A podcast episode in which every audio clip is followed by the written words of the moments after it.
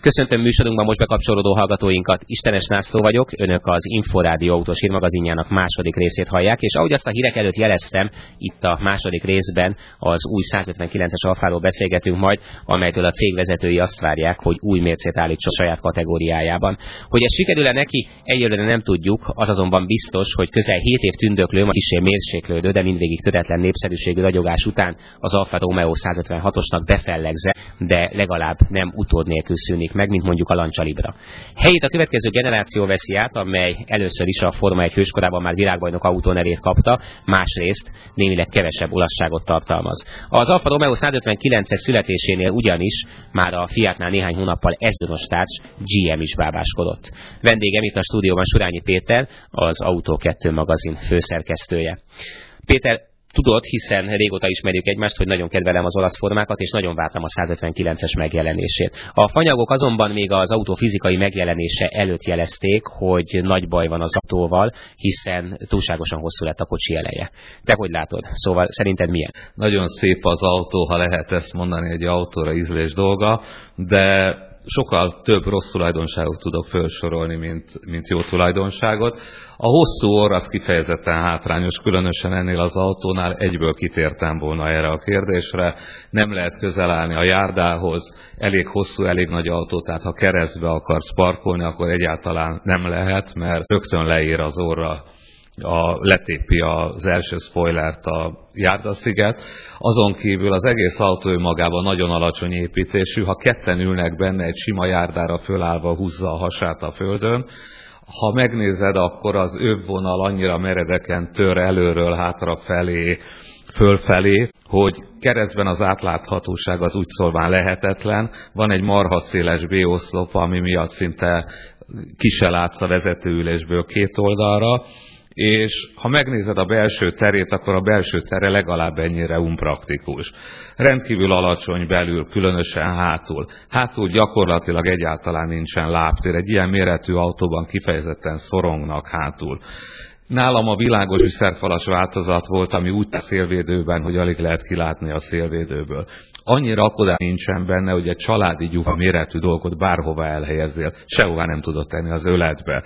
Szóval ilyen szempontból én úgy érzem, hogy ez az autó rendkívül rosszul sikerült, viszonylag a csomagtere is kicsi, a csomagtér fedelét borzasztó nehéz kinyitni, nincs rajta fogás, ez a két teleszkóp, ami emeli, ez se fölfelé nem engedi, se lefelé nem engedi. Ha belülről ki akarod nyitni a csomagtartó fedelet, akkor a plafonon van a kapcsoló. Most képzeld el, mikor kint áll a család, és szól, hogy szeretnék, ha kinyitnád, akkor behajolsz a plafonon nyomogatod.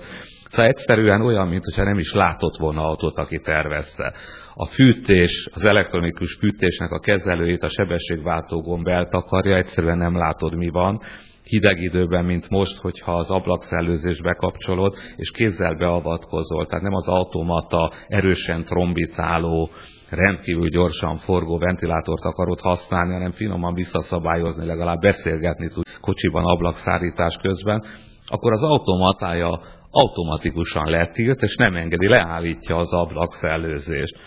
Na most ezen kívül van benne egy kulcs nélkül indításrendszer, ahol gyakorlatilag a távirányítót be kell dugni egy slicbe. Mikor a távirányítót bedugod a slicbe, akkor a gyönyörűen megcsinált, emilozott Alfa Romeo jelvényt az rögtön össze-vissza karistolja. A tesztautón már nem volt rajta fényezés. Azon kívül van rajta egy nyomógombos indítás, ami önmagában egy marhasság, ha be kell rakni ezt a vackot a műszerfalba, akkor miért kell külön egy gombot nyomogatnom, de ezt is addig kell nyomnod, amíg be nem indul a motor, tehát nem úgy, mint a Renault-nál, hogy egy pillanatnyi gomnyomás, és ő izzít, meg mindent csinál, nem, ez szóba nem kerül. Hát szóval azt hiszem ennyi, ennyi talán elég az autóhairól. Még mondok hozzá valamit, amikor télen elindítod, az önindító úgy elkezd vinyogni, hogy legszívesebben rögtön a sárga angyalt hívnád ki. Na most ehhez tartozik persze egy nagyon-nagyon jó motor, ez az 1,9 literes turbódízel a Multijet, ez tulajdonképpen a maga nemében a legkorszerűbbek közé tartozik.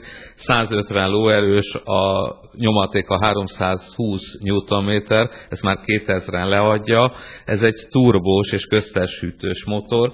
Egyébként azt is lehet mondani, hogy tulajdonképpen takarékos. A városban 12,2 litert fogyaszt, városon kívül 6,6-ot és vegyesen 8,7-et Jók a paraméterei is ődízelségéhez képest, 9,7 másodperc alatt százon van, és 212 km per óra a végsebessége.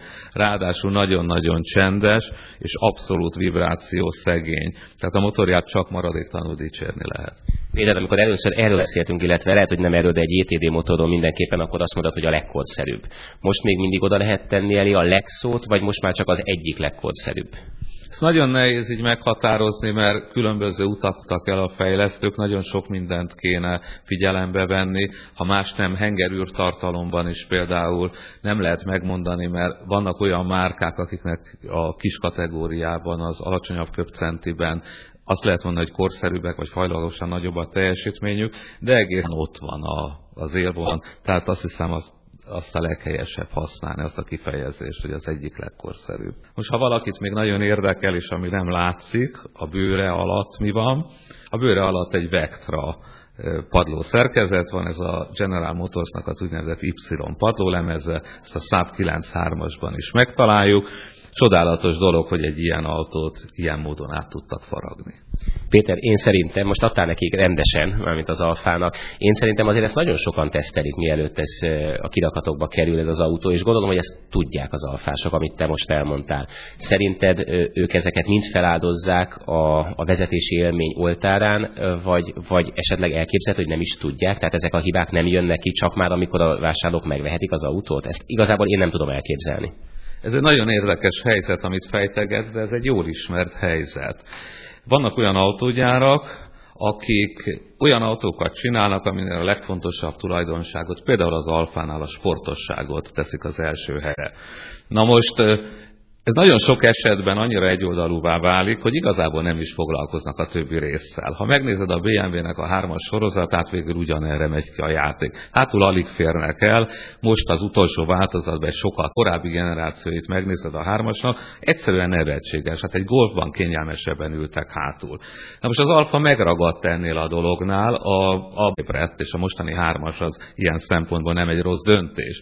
De az Alfa ott maradt, ahol a hármas abba hagyta, és így hagyta. De ha jobban kisarkít, és lehet, hogy kicsit groteszk a hasonlat, de ha megnézel egy, mit tudom, egy Opel, senkit nem érdekel semmi. Az, hogy a hitelkártyádon kívül semmit nem tudsz magaddal vinni, hogy nem tudsz beszállni, csak hogyha nagyon jó vagy lóugrásban, akkor ha ez senkit nem érdekel, akkor előállnak ezek a kifogások, amiket elmondtam.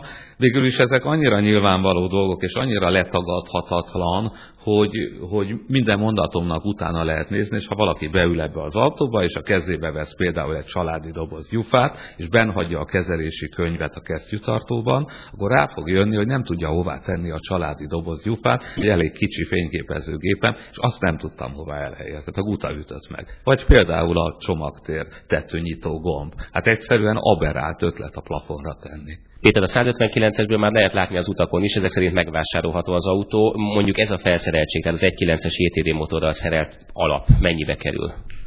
Hát igen, elég jól föl, fölszerelték az autót, tehát erre nem lehet panasz. Hat légzsák van benne, öt biztonsági, négy ablak, elektromos a mozgatása, a tükröké is, távezérelt központi zár van benne, kétzónás elektronikus klíma, rádió CD, nyolc hangszóróval, fedélzeti számítógép, ködlámpák, stb. sebességtartó automatika. Én azt hiszem, hogy ehhez mérten, és az Alfa nevéhez mérten a 6 millió 35 ezres az egy jó ármegállapítás lehetett a Fiat Magyarország részéről. Ezek voltak a Tempo mai témái. Legközelebb egy hét ma kedden, ugyanebben az időben várom Önöket. Mai figyelmüket megköszönve búcsúzik a szerkesztő műsorvezető Istenes László. Viszont hallásra!